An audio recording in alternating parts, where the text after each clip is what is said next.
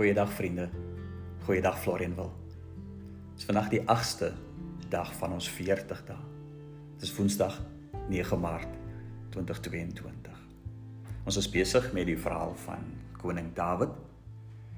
En vandag het ons die alombekende gedeelte. Dit wat handel oor Dawid en Goliat, 1 Samuel 17.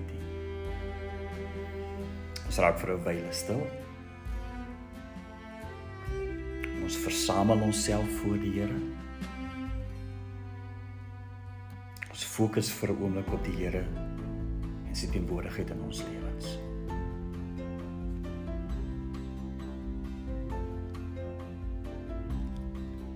Baie dankie Vader. Dankie Here vir die dag. Dankie Here vir 40 dae.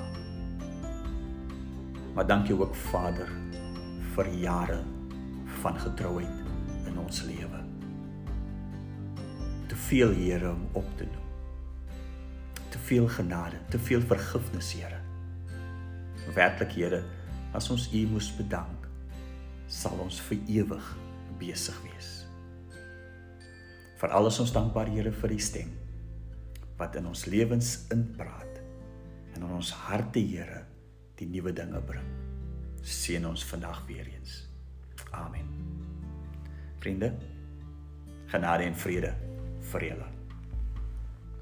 1 Samuel 17 se verhaal van Dawid en Goliat. En ek wil net vir u vanaf vers 40 tot 50 lees. U is veronderstel om die hele hoofstuk te lees uh, vandag. Maar terwyl van ons opname in net hierdie hierdie paar verse. Vers 40. Hy het sy kierie in sy hand gevat.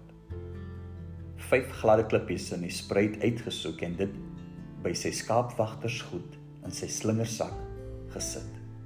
En met sy slingervel in die hand het hy op die Filistyn afgeloop. Die Filistyn het al nader gekom na Dawid toe terwyl sy skilddraer voor hom was Toe hy vir Dawid sien, het die Filistyn hom met minagting aangekyk omdat hy jonk was, met 'n rooi gelaatskleur en 'n mooi voorkoms. Die Filistyn het vir Dawid gesê: "Is ek 'n hond dat jy met kieries na my toe kom?" Hy het Dawid toe in die naam van die Filistynse gode vervloek. Verder het die Filistyn vir Dawid gesê: "Kom 'n bietjie hier.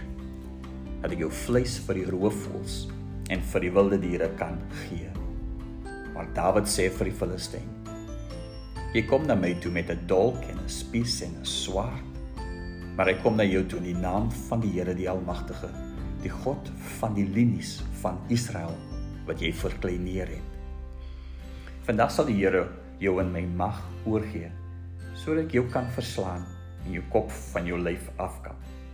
Dan sal ek vandag nog die lyke van die Filistynse laar vir die roofvoëls en vir die wilde diere gee sodat die hele wêreld kan besef dat Israel 'n God het. Dan sal hierdie hele skare besef dat die Here nie deur swaard of spies verlos nie, maar dat die oorlog aan die Here behoort en dat hy julle in ons mag oorgee. Toe die Filistyn regmaak en nader kom om Dawid te ontmoet, het Dawid die Filistyn vinnig op die vegterrein tegemoet gehardloop. Toe steek Dawid sy hand in die sak, vat 'n klip daaruit, gooi met die slingervel en tref die Filistyn teen die voorkop. Die klip het in sy voorkop ingedring en het vooroor geval op die grond. Met die slingervel en klip was Dawid sterker as die Filistyn en het hom verslaan en doodgemaak. Dawid het nie eens 'n swaard by hom gehad nie. So sover die woord van ons Here. Ek het vir u gelees van die 1983 vertaling. Ek sal later in die boodskap hier melding maak ook of lees van die teksgedeelte en dan gebruik ek die the message from van Eugene Peterson. The moment that really captures my imagination is verse 48. David taking off from the front line, running towards Goliath. in that exact moment. David is most probably the only one in touch with the reality of God and what God can do. And I can just imagine the disbelief from both sides, uh, from Goliath and the Philistines, you know, in amazement watching what's going to happen. But I can also imagine the disbelief from Saul, David's brothers as well, and the rest of the troops. Now, this is the moment, this is the exact moment of no fear, only trust and faith. But let me start from the beginning. David and Goliath is such a well-known story. Even non-Christians knows about their epic battle. Goliath was, Goliath was more than three meters tall and had a really big bad mouth on him too. For 40 days, for instance, he has been insulting Saul and his troops. Saul, as big as he was, with all his troops, was trembling with fear, and nobody was up to the task to take on Goliath. And then David arrives on the scene. Maybe his first time at the front line of a battle, I don't know.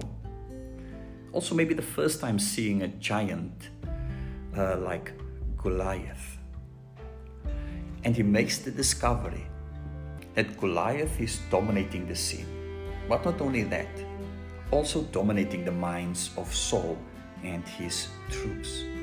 So much so that little is left of their faith in the living God.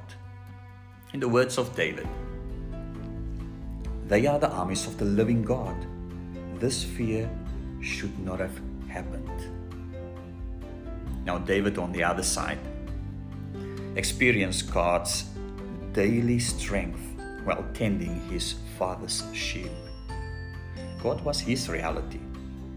We read the story when a lion or a bear carried off a sheep from the flock, David went after it, knocked it down. And then, if that animal, that ferocious animal, came after him, he would wring its neck and kill it. Now, God was his reality more so than an angry lion or an angry bear which he could see and experience. And that gave him the courage to always protect his flock. David believed in God's protection. He could therefore not believe that Goliath was allowed to insult the armies of the Lord. Another thing to consider over and against Goliath, David was considered insignificant. You know, he's only a mere shepherd carrying food for his brothers and is unable to do anything in the light and in the sight of Goliath. In the presence of the Goliaths of this world, everything else seems weak and it feels like nothing can stand in front of it.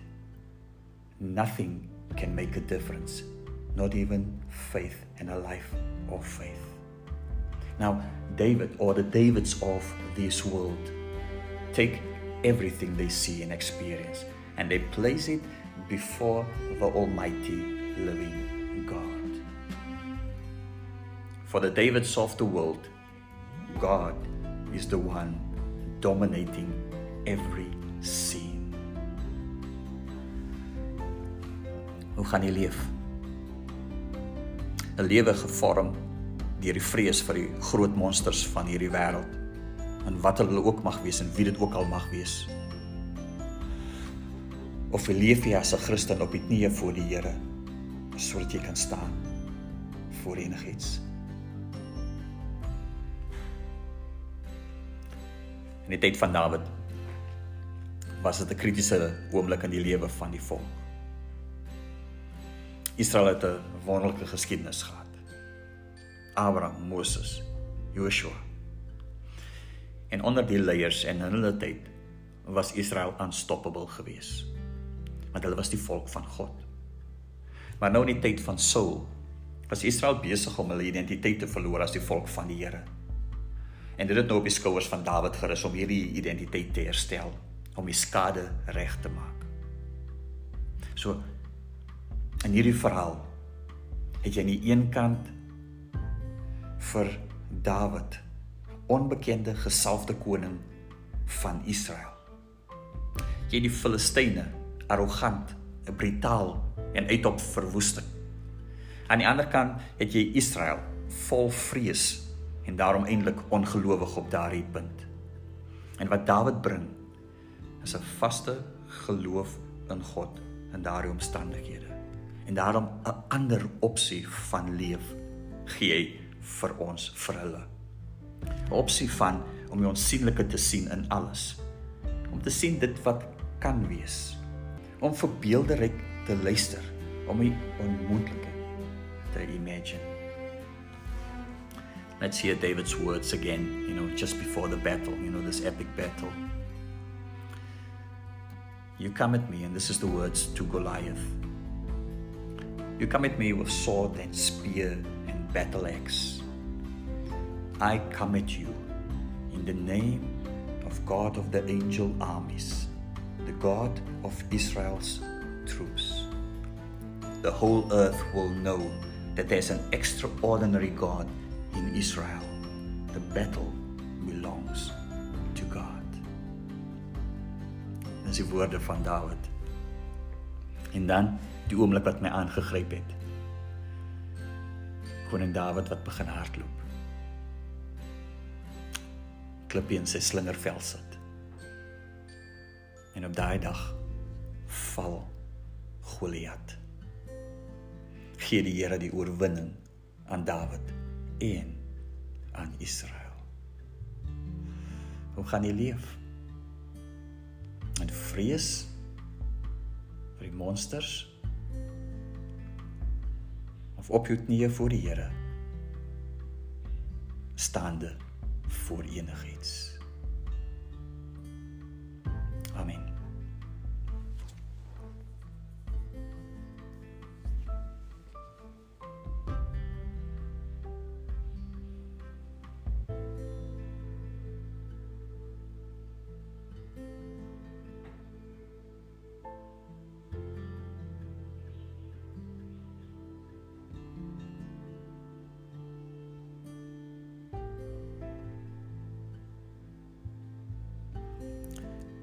Hemelse Vader, vir hierdie oomblik het die verhaal van Dawid en Goliat Here deur ons gedagtes gemaal.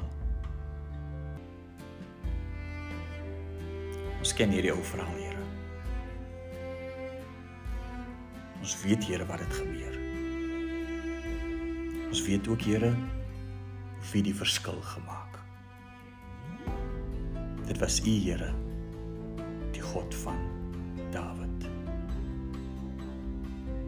Nou Hemelse Vader. Wil U vir ons help, Here?